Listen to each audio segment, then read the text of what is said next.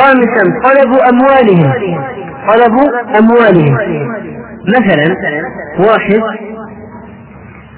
يخلص العمل يعني أقصد يكون أمين. واحد يكون أمين. مخلص في العمل لماذا؟ أو يتظاهر بالأمانة. لماذا؟ لكي يحصل على وظيفة. بعض الناس يفعلون هذا. دافعه في الإخلاص يظهر بمظاهر التقى والصلاح. ليش؟ لكي يستأمنه رب العمل فيوظفه عنده.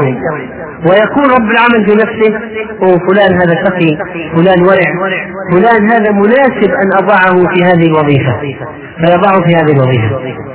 وقد يعمل العمل أيضا بدافع طلب خدمتهم ومحبتهم يعني لكي يخدمه الناس. وكذلك بطلب قضاء حوائجه كتزويجه منهم من بنتهم يخلص في العمل فماذا يعمل؟ ما هو القصد من الإخلاص؟ ما هو القصد من العبادة هذه الظاهرة؟ أن يقول فلان زين نزوجه ولذلك وصلنا أن بعضهم إذا تقدم بناس ويزورهم كثيرا. أذان قام من عندهم للصلاة هو أصلا إنسان غير حريص على الصلاة. وخدعهم. ما هو القصد من العمل؟ أن يزوجوه.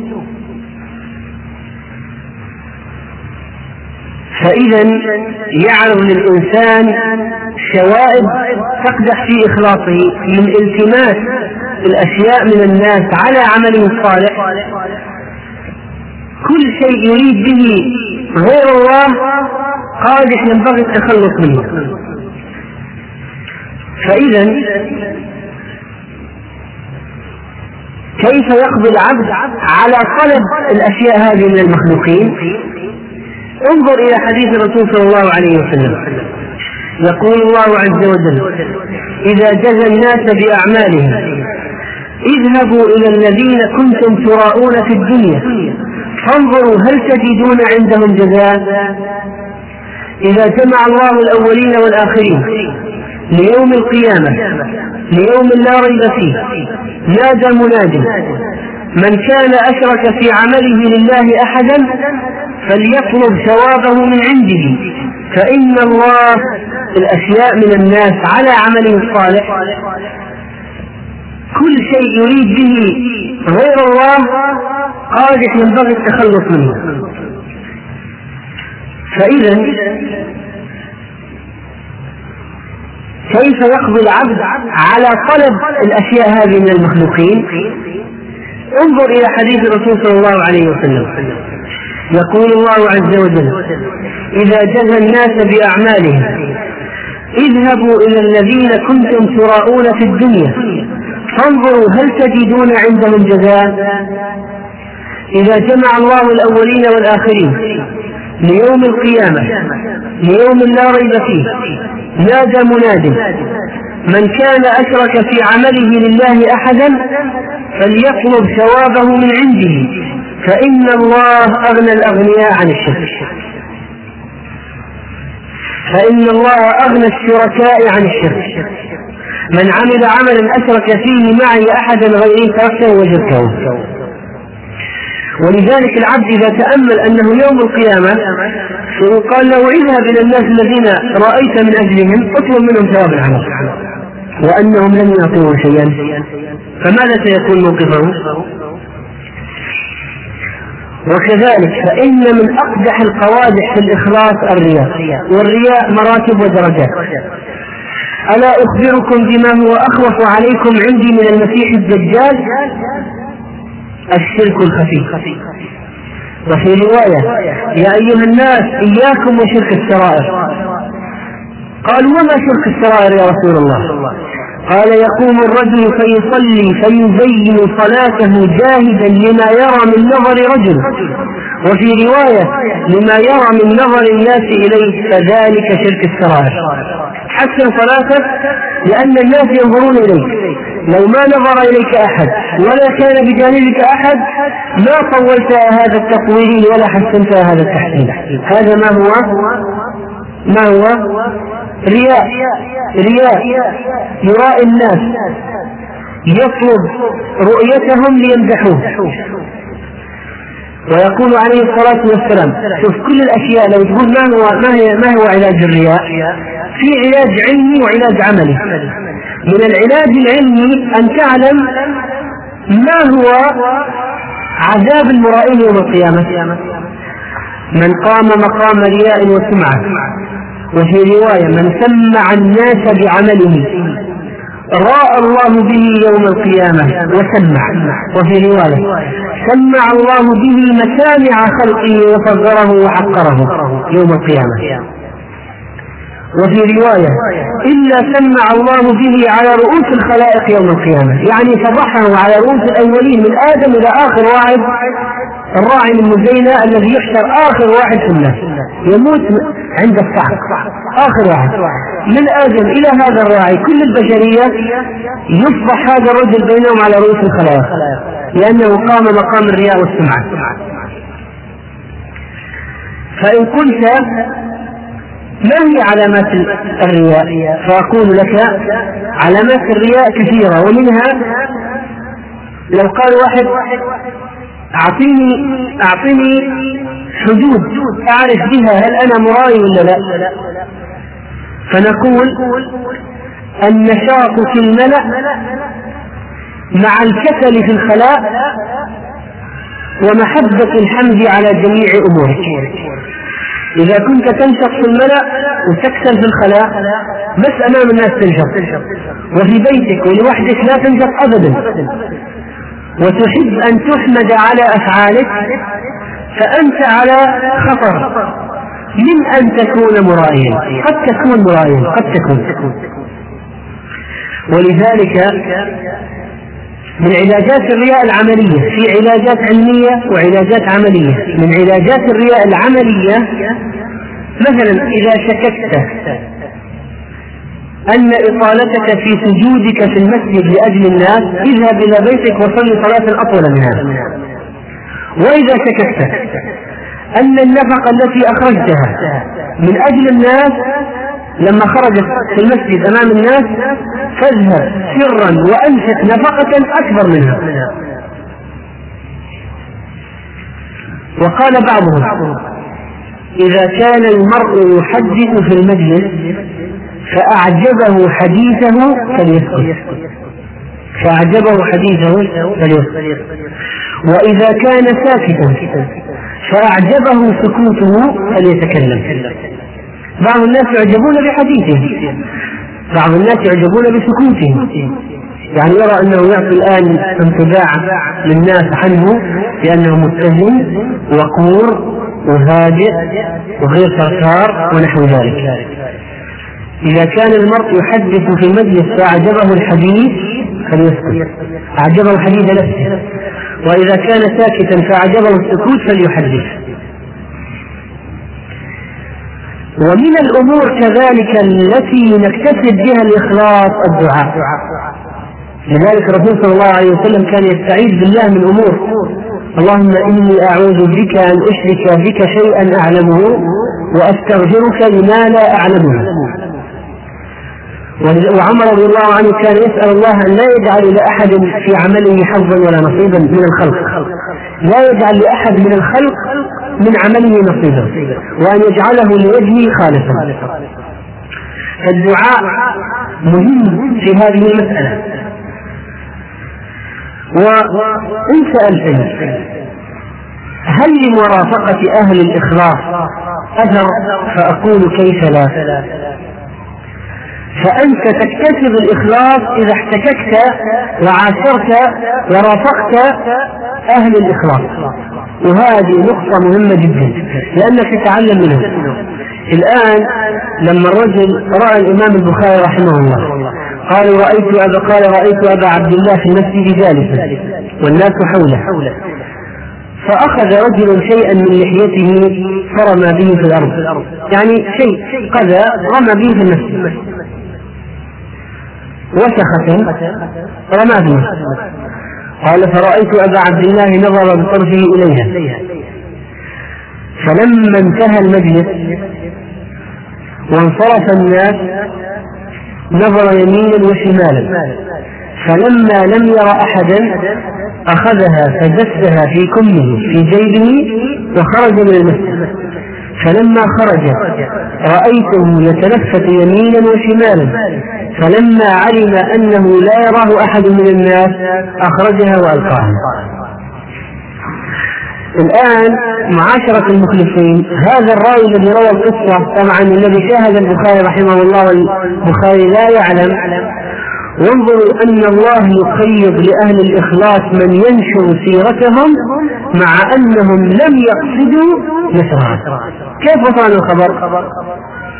والبخاري رحمه الله لا يريد أن يرى أحد لكن سخر الله له رجل من الناس رأى فعله فرواها ونقلت وكتبت واقتدى بها الناس. فمعاشرة أهل الإخلاص في غاية الأهمية لاكتساب الإخلاص.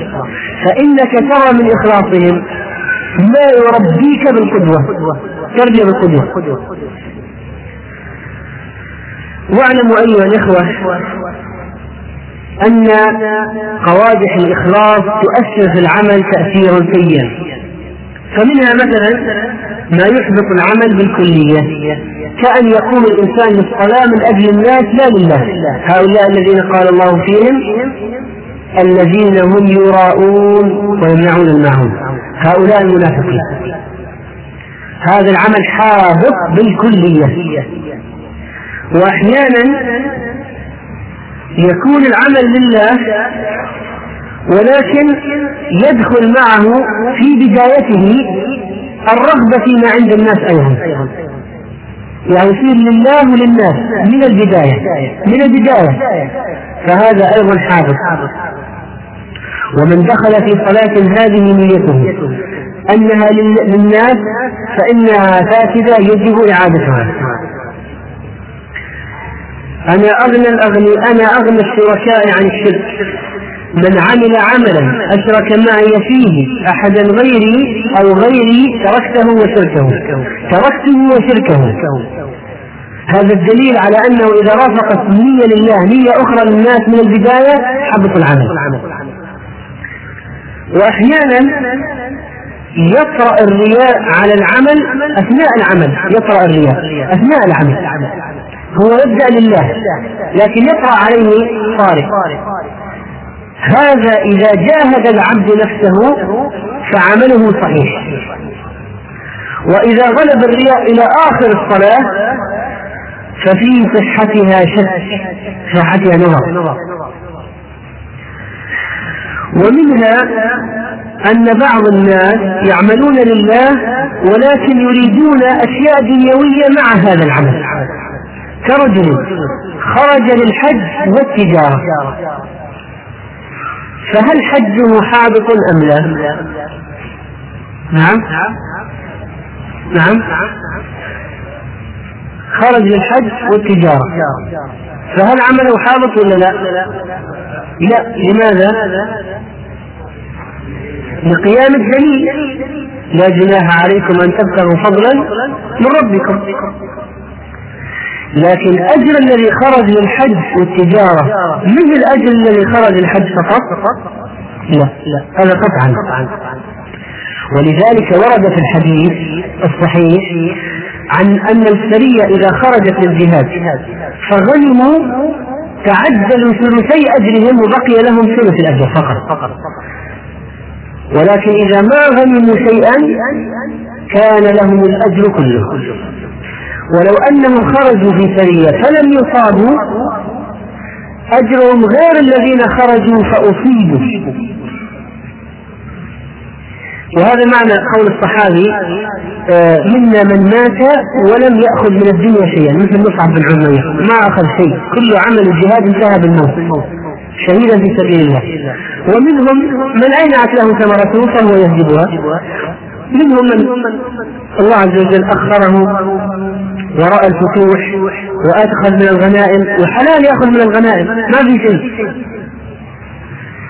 من هذا الباب ما يأخذه مثلا الآن مدرس الدين أو إمام المسجد على عمله إذا لم يكن يعيش إلا به. هذا يجوز أن يأخذه. لكن لكن لا شك أنه إذا احتسب التعليم والأذان أو الإمامة دون أجر فهو أفضل. لا شك في هذا. مثل المجندين الذين لهم رواتب من بيت مال المسلمين الأجناد كما قال شيخ الإسلام ابن تيمية. هؤلاء يجاهدون في سبيل الله ولهم رواتب. هل رواتبهم تحدث جهادهم وأعمالهم؟ لا. لأنهم أخذوها ليستعينوا بها على المعيشة. لكن لو واحد عنده مصدر كسب آخر فأحسن له أن يتصدق بها. فإن قلت لي ما هو الضابط؟ أليس رسول الله صلى الله عليه وسلم قد قال إن الرجل الذي يتعلم العلم الذي هو يعمل به لله يعني علم الشريعة. يبتغي به الدنيا. يكبه الله في النار. أقول فرق بين الذي يدرس في كلية الشريعة. يدرس. ليأخذ الراتب. وبين الذي يأخذ الراتب أو كلها بصيغة أخرى. بين الذي يدرس الشريعة ويأخذ مكافأة الطالب يدرس ليأخذ مكافأة الطالب. وبين الذي يأخذ مكافأة الطالب ليدرس. وفرق بينه. الذي يدرس الدين في المدارس ليأخذ الراتب وبين الذي يأخذ الراتب ليدرس الدين في المدارس. وفرق بينه. الذي يحج عن واحد ويأخذ المال يحج ليأخذ وفرق بين من يأخذ ليحج. فإن قلت لي لم تصل الفكرة بعد فأقول. الذي يحج ليأخذ ما هو قصده وما هي وسيلته؟ الذي يحج ليأخذ ما هو قصده وما هي وسيلته؟ الذي يحج ليأخذ. القصد إيش؟ المال ولا الحج؟ المال. والوسيلة؟ الحج. هذا مذموم تماما. لأنه جعل الحج وسيلة للتكسب. مثل ما يعمل كثير من الناس. يقول لك تبغى حجة تبغى حجة. أحج أحج لك عن واحد هات عشرة آلاف. مثلا قلت أو كثرت فهذا إيش؟ هذا يحج ليأخذ. فجعل الأخذ هو الوسيلة هو الهدف. والحج هذه وسيلة تكسب يعني زي مهنة مهنة. حج عن العالم ويأخذ كذلك الذي يدرس الشريعة ليأخذ المكافأة مكافأة الطالب. ما هو الهدف؟ المكافأة. ما هي الوسيلة؟ دراسة الشريعة. ما لك قالوا كلية ثانية تقبله؟ دخل فيها قال آخذ من وراهم المكافأة لكن فرق بين هؤلاء وبين من يأخذ المال ليتقوى به على الطاعة ويعيش ليتمكن من أداء العمل. افرض أن مثلا إمام مسجد ليس له دخل إلا راتب الإمام. الرجل هذا لو ما أخذ الراتب كيف سيعيش؟ يشهد من الناس؟ يسأل الناس؟ يهين نفسه؟ لا. فيأخذ الراتب من بيت مال المسلمين مثلا لكي يساعده على أداء الإمامة. فتكون الإمامة هي الهدف والراتب وسيلة. الذي يدرس الدين في المدارس. إذا كان قصده الراتب لو ما أعطوه الراتب ما درس شيء ولو خفضوا الراتب خفض التدريس ولو نزلوا الرواتب لم يهتم بالتحضير. لاحظ المسألة شلون؟ كيف يؤثر الإخلاص؟ صار هنا انكشف صار وسيلته صار هدفه الراتب.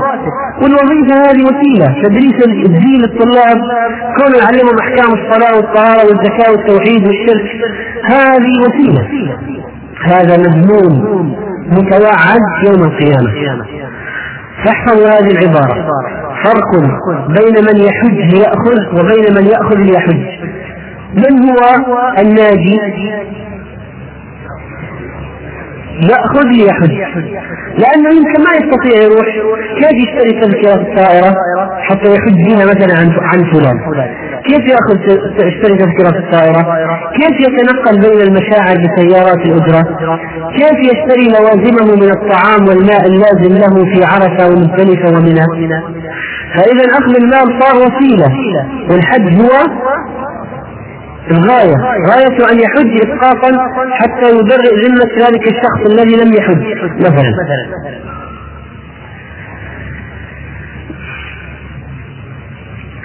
ولذلك يقول الإمام أحمد رحمه الله التاجر يعني في الحج مثلا أو الجهاد والمستأجر والمكاري الذي يكري الدابة يأجر الدابة أجرهم على قدر ما يخلص من نيتهم في غزواتهم. فإذا هو خرج قال يعني ما جابني خارج خارج للجهاد فلأتكسب مثلا أبيع أشياء على الجيش. أبيع طعام على الجيش مثلا عندي أنا شيء أبيع على الجيش. أو ما دام إني رايح الحج رايح الحج أبيع لي شيء. هذا أجر على قدر نيته. لأن بعض الناس يفوتون بعض الأشياء في الحج من أجل التجارة. يقول أنا رايح الحج. يفوت.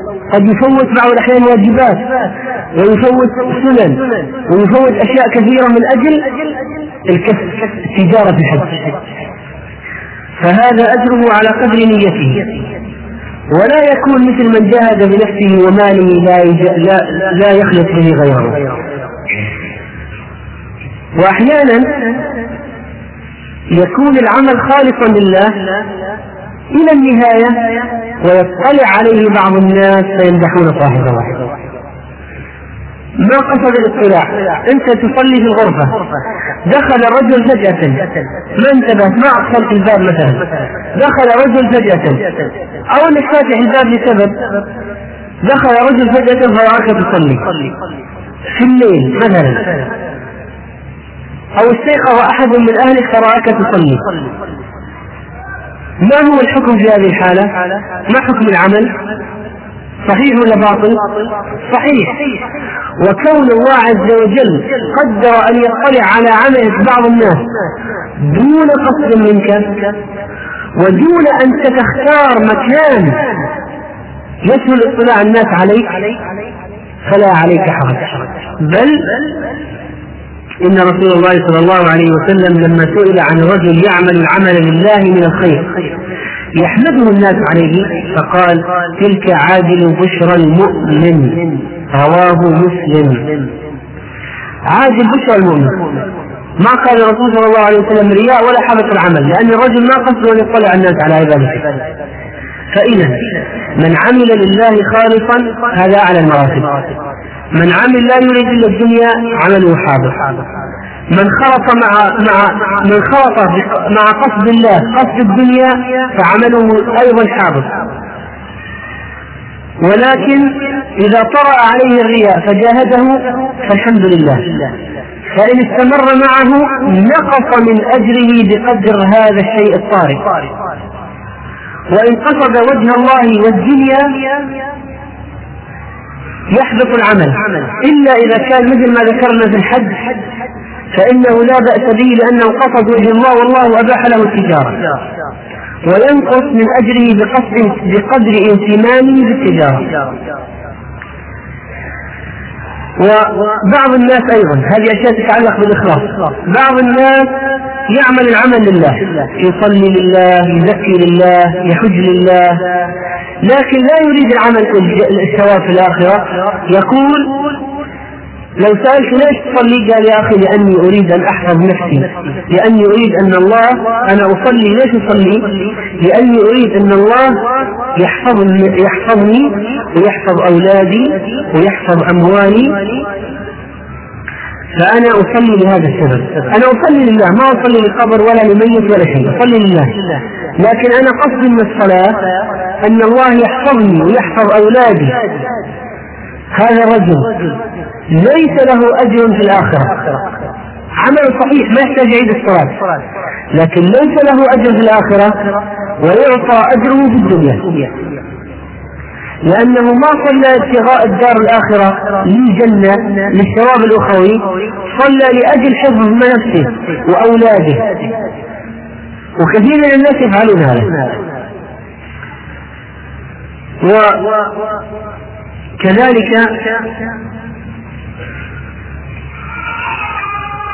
الإخلاص له عدة مجالات. الإخلاص مثلا في الأعمال الصالحة الإخلاص الإخلاص في العبادة الإخلاص في الجهاد الإخلاص في طلب العلم الإخلاص في الدعوة إلى الله الإخلاص في التربية. فمن الإخلاص في العبادات مثلا من الأعمال الصالحة ما وقع لأصحاب الغار الذين انطبقت عليهم الصخرة. وقالوا لبعضهم إنه لا ينجيكم من هذه الصخرة إلا أن تدعوا الله بصالح أعمالكم. أخلص عمل سويته. عملته ادعوا الله به ليفرج عنكم. فالذي انتظر أبواه حتى استيقظ وهو قائم على رأسيهما وأولاده يصيحون من الجوع. حتى استيقظ في الصباح وأعطاهما اللبن وشربا قال اللهم إن كنت فعلت ذلك ابتغاء وجهك ففرج عنا ما نحن فيه. والذي قعد للزنا بين يدي المرأة المحتاجة إليه فلما ذكرته بالله انصرف عنها وأعطاها المال ولم يعمل بها شيئا قال اللهم إن كنت فعلت ذلك ابتغاء وجهك فافرج عنا ما نحن فيه والذي حفظ للأجير ماله ونماه له أضعافا مضاعفة فلما جاءه الأجير أعطاه إياه كله دون أن يأخذ منه شيئا قال اللهم إن كنت فعلت ذلك ابتغاء وجهك فافرج عنا ما نحن فيه فانفرجت الصخرة انفرجت الصخرة ليش؟ لأي شيء بسبب إيش؟ أنهم سألوا الله بأخلص الأعمال التي عملوها. فانظر كيف فائدة الإخلاص. هذه أعمال عظيمة. ظهر فيها الإخلاص. لذلك كانت مكتوبة عند الله ثقيلة جدا. ونفعتهم ولقد حدث أني سألت أهل العلم مرة بعض بعض أهل العلم. قلت له لو أن الواحد وقع في ورطة. فقال اللهم إن كنت آه اللهم يعني عمل بقصة أصحاب الغار. اللهم إني عملت يوم كذا وكذا بينه وبين الله طبعا. عملت يوم كذا وكذا عملا أرجو فيه وجهك أخلصت فيه لك. ففرج عني بذلك العمل الذي عملته لك فرج عني هذه الكربة. هل ينقص من أجل ذلك العمل؟ فأجاب الشيخ لا يظهر هذا. وسيق الحديث على مساق في مساق النبش له ولو كان في شيء من هذا كان ورد على الأقل. ولذلك لا بأس بسؤال الله بصالح العمل. الذي عملته انتهيت. ليس أن تعمل العمل الصالح من أجل شيء دنيوي لا. شيء دنيوي شيء عملته وانتهيت. وراح أخلصت فيه لله. حصلت لك مشكلة بعد ذلك. سألت الله بذلك العمل أن يفرج عنك المشكلة؟ لا بأس كذلك الإخلاص في طلب العلم. كثير من طلبة العلم أو كل بعض طلبة العلم لا يخلصون لله في طلب العلم. يقول عليه الصلاة والسلام في شأنه من تعلم العلم في رواية من طلب العلم في رواية من ابتغى العلم ليباهي به العلماء وفي رواية ليجاري به العلماء أو يماري به السفهاء أو يصرف به وجوه الناس إليه وفي رواية أو تقبل أفئدة الناس إليه فإلى النار. وفي رواية أدخله الله جهنم حديث صحيح. وقال عليه الصلاة والسلام لا تعلموا العلم لتباهوا به العلماء أو تمار به السفهاء. ولا لتجترئوا به المجالس فمن فعل ذلك فالنار النار. حديث صحيح. وقال عليه الصلاة والسلام من تعلم علما يبتغى به وجه الله. علم الشريعة. لا يتعلمه إلا ليصيب به عرضا. يعني متاع الدنيا. لم يجد عرف الجنة يوم القيامة. يعني ريح الجنة لا يجدها ولذلك إلى الذين يدرسون في كل في الكليات الشرعية من أجل الشهادة للوظيفة والراتب لا ليعلموا الناس. هذا تحذير عظيم. وإلى الذين يتعلموا العلم ليظهروا أمام الناس بأنهم حفاظ ويلفت الأنظار بجودة حفظهم وحسن سردهم وأنهم لا يتوقفون. هذا تحذير شديد. وإلى الذين يتعلمون العلم لإفحام الناس في المجالس فقط وإسكات الخصوم فالويل لهم. والذين يأتون حلق العلم ليقال عنه نشيط فالويل لهم. والذين يماشون العلماء ويدعون أهل العلم والفضل ليقال فلان جاء في بيته العالم الفلاني فالويل له أو يقعد مع عالم ساعة ثم يجوز المجالس ويقول قال شيخنا قال شيخنا. وما جلس معه إلا ساعة. فالويل له ولو جلسنا نستعرض الآن قوادح الإخلاص في طلب العلم وجدناها كثيرة. ولكن هذه أمثلة منها. وكذلك في الدعوة في الدعوة إلى الله. الإخلاص مهم جدا أيها الإخوة. فإن الله يفتح به القلوب. ولو كان الداعية مبتدئ في الدعوة. ويهدي الله على يدي الداعية أناسا ولو كان أسلوبه بدائي جدا في الدعوة. بأي شيء؟ بإخلاصه. نجد أحيانا خطباء خطيبا مفقعا وداعية لا يتوقف في الكلام وأسلوب ممتاز لكن لا أحد يهتدي على يده كلامه لا يؤثر في الناس ونجد إنسان أسلوبه ركيك وربما يكون أعجمي وإنسان مبتدئ في الدعوة وإنسان ما عنده خبرة ولا تجربه لكن لإخلاصه ترى الناس يهتدون على يديه لماذا؟ لماذا؟ الإخلاص إخلاص هذا يفعل الأفاعيل الإخلاص يثبت العلم في ذهنه ويجعل الله البركة في هذا العلم ويتناقله الناس. لماذا الآن نجد بعض المصنفات عاشت وبقيت وقيض الله لها من يحييها وتبعت وصارت منتشرة جدا بين الناس؟ ومصنفات لو طبعوها مليون طبعة الآن تعال بعد سنوات تجد أن الناس ما أقبلوا عليها أخذوها لأنها ببلاش. لكن لا يقبلون عليها. لماذا يقبل الناس على صحيح البخاري فتح الباري آه السنن كتب السنن التي ألفها علماء الحديث آه تفسير ابن كثير تفسير ابن كثير أشهر تفسير. لماذا تفسير ابن كثير؟ في شيء يتعلق بإخلاص المؤلف. نحن نحسبهم هكذا. والله حسيبهم أن الله ما قيض لكتبهم هذا الانتشار الزائع وإقبال الناس على هذه الكتب بالذات بقيت مراجع مراجع يرجع إليها الناس. فتاوى شيخ الإسلام ابن تيمية. المغني. كتب تجدها مراجع. لماذا هذه بالذات؟ مع أنه قد يكون صنف ما هو أطول منها وأكبر منها. لماذا الله عز وجل قيض لها ناس نشروها؟ لإخلاص الذين كتبوها. وقد يكون مؤلف صغير ينفع الله به. وكلام كثير لا يسمن ولا يغني والداعي عندما يمرض بالرياء فإنه يحطم نفسه ويحطم بل يعيق عجلة الدعوة من التقدم إلى الأمام بخطوات أوسع وإذا عرض وإذا مرض داعية برياء قد يتضرر الدعاة من حوله بمرضه ويتعثرون حتى يتخلص هو من مرض الرياء بالتوبة أو يتخلصون هو منه هم منه بالابتعاد أو الإبعاد. وبالنسبة للجهاد في سبيل الله مر معنا الحديث. كم واحد ذهب إلى الجهاد يقال عنه فلان مجاهد؟ وكم واحد ذهب إلى الجهاد ورجع وهو يقول فعلت وسويت وانتقلت من وتجد في المجالس والولائم يطرح تجاربه الشخصية ويقول عملت وفعلت وسويت هذا أين بل إنه قد يكتب في الجرائد ويقول وعملت وفعلت سويت. وين الإخلاص؟ وين الإخلاص؟ أصلا كلام بعض الناس ينبئك أنه ليس عندهم إخلاص. لو عندهم إخلاص ما قالوا هكذا. لو عندهم إخلاص يتحدث عن اعمال الآخرين ما تحدث عن عمل نفسه.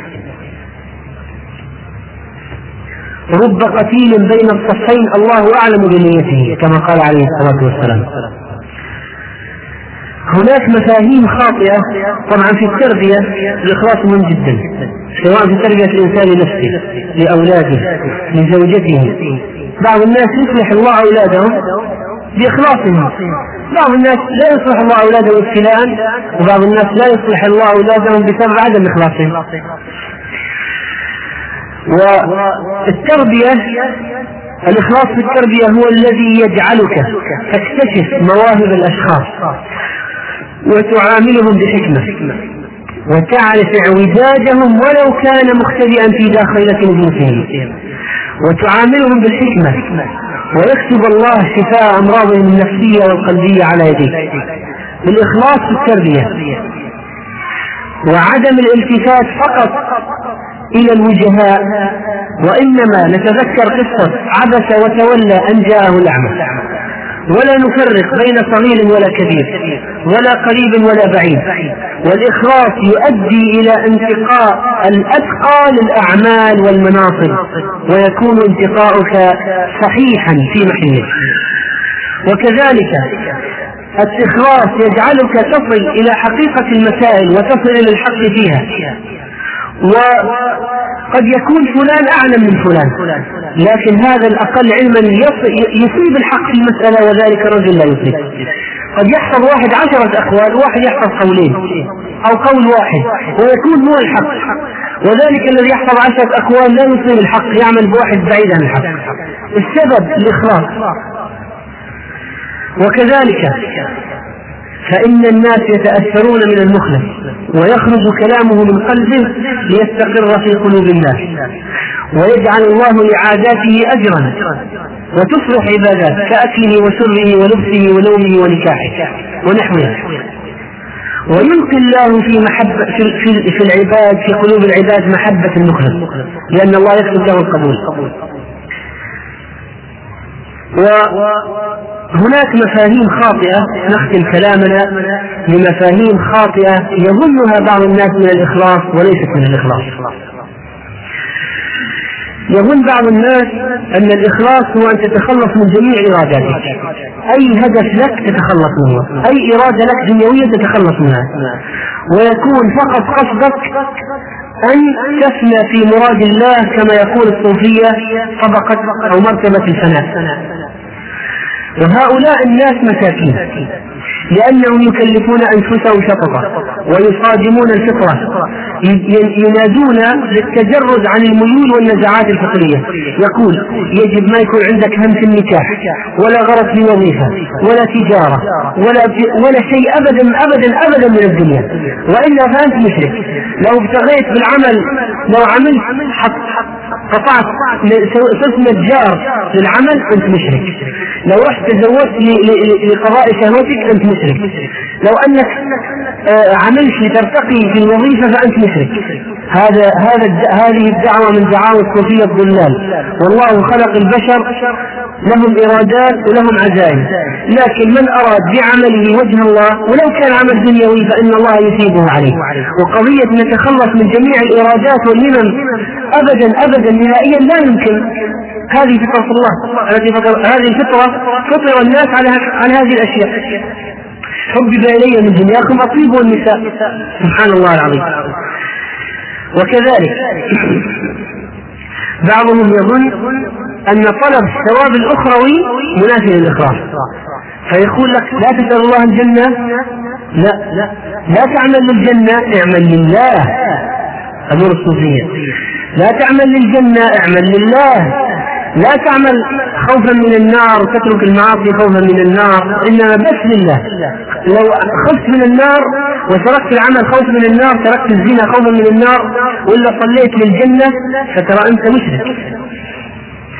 ويقولون اشعارا في هذا ومقولات ما عبدتك خوفا من نارك ولا طمعا في جنتك. وأن هذه المساكين وهذا الشيء عبادة العامة وأن عبادة الخاصة هي لله دون جنة ولا هذا الكلام أيضا ضلال. الله عز وجل قال عن الجنة وفي ذلك فليتنافس المتنافسون. وقال عن المؤمنين يخافون عذابه. وحتى على غنائم القتال قال وأخرى تحبونها نصر من الله وفتح قريب وبشر المؤمنين. وهذه طريقة الرسول صلى الله عليه وسلم كان كان يعمل لله عز وجل ويسأل الله الجنة ويستعيذ من النار. طيب. بعض الناس يؤدي بهم طلب الإخلاص لأشياء. منها أنه يغيب عن كل الأعمال العلنية فلا يصلي في المسجد. ليش؟ يقول رياء يصلي في البيت ما عاد يشوفني لا يشهد سئل شيخ الإسلام ابن تيمية عن رجل لا يشهد الجمعة ولا الجماعه وإذا خرج من بيته يخرج متقنعا حاط قناع ليش؟ الاخلاص هذه هذا غلو في الدين. شوف الإخلاص أدى به إلى ترك الفرائض. وبعض الناس يترك الأذان وقد يكون خطيبا يترك الخطبة. وقد يكون يعلم مثلا في المساجد ويعظ يترك التعليم والوعظ. ويترك عيادة المريض لأنه سيذهب ويرى الناس موجودين يقول آه جاء من أجل جاء جاء لعيادة المريض هذا يريد أن يظهر نفسه. وهكذا يتركون أعمالا من الدين ويترك الحج ويترك الجهاد لأنه يقول رياء أمر أمام الناس. هذا ضلال. لأن هناك أعمال تخفى وأعمال لا يمكن إخفاؤها. فالأعمال التي لا يمكن إخفاؤها تتوكل على الله وتخلص فيها وتعملها. أجل ما نصلي في المساجد حتى لا يرى الناس ويقول عنا مرائي يقول عنا ما ما سيقوله وكذلك بعض الناس يقول يترك أهل الخير. ويقول أنا إذا صرت معهم أجامل وأسمع الحديث ويرق قلبي وإذا خلوت في نفسي في بيتي قسى قلبي وما تشجعت للخير مثل ما أتشجع معهم. معناها أنا منافق. أنا أمامهم أتشجع ومن وراهم أتثبط إذا لابد أتركهم وإلا انقدح في إخلاصي ولا صار رياء طيب ماذا قال الرسول صلى الله عليه وسلم للصحابي؟ من هو؟ نعم. ها؟ حنظلة. لما قال ابن عامر لما قال نعم. لا لا حنظلة قال نفخ حنظلة لكن ماذا قال الرسول صلى الله عليه وسلم؟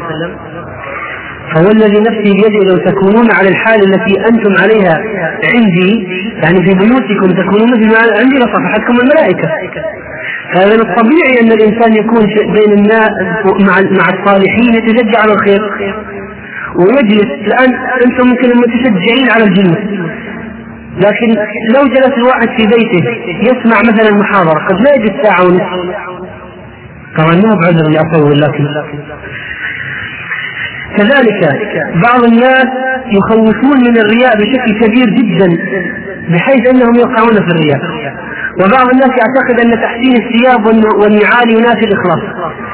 وبعض الناس يقول ما يجوز أخذ ذنوبي عن عن اخواني لابد اخبرهم بكل ما أفعل. حتى يكون واضح عندهم إني أنا حقيقتي إيش. فيخبرهم بما ستر الله عليه. وهذا أيضا غلط. والله عز وجل ما قال ما أوجب على المسلم أن يخضع نفسه. كذلك لو أراد واحد يعمل عمل خير أمام الناس نية لله لكن يقتدي به الناس. مثل أن يأتي بصدقة عظيمة كي يتتابع الناس بصدقاتهم. ما يتنافع مع الرياء. وأخيرا أيها الإخوة فلا بد من محاولة كشف غير المخلصين وتعريتهم حتى تستبين حقيقتهم لله. قال عثمان رضي الله عنه ما أسر أحد سريرة إلا أظهرها الله عز وجل على صفحات وجهه وفلاتات لسانه. وقال ابن عقيل رحمه الله من أراد التكشف عن رجل خطب منه يعني يعرف حقيقته جاك واحد يخطب ابنتك وأنت ما تعلم كيف تكتشف؟ قال فإنه لا يزال يذكر المذاهب يعني عن الهدام الباطلة. ويعرض بها ويعرض بها ويذكر الأفعال الرزية في الشرع التي يميل إليها الطبع وينظر خشاشته إليها وتعبسه عند ذكرها وما شاكل ذلك. فإنه لا يزال البحث بصاحبه حتى يوقفه على المطلوب بما يظهر من الدلائل. فأين رائحة الإيمان منك وأنت لا يتغير وجهك؟ فضلا عن أن تتكلم. هذه من الطرق التي يكتشف بها هل الرجل هذا صالح أم لا. وهل هو مخلص أم لا؟ وأخيرا نسأل الله سبحانه وتعالى أن يجعلنا وإياكم من المخلصين وأن يختم لنا بخاتمة السعاده أجمعين وصلى الله على نبينا محمد والسلام عليكم ورحمة الله وبركاته. أخي الكريم الشريط الإسلامي وسيلة عظيمة من وسائل الدعوة إلى الله ولا شك أن استعمالك لهذه الوسيلة جزء من الدعوة إلى الله ومن أحسن قولا ممن دعا إلى الله وعمل صالحا وقال إنني من المسلمين.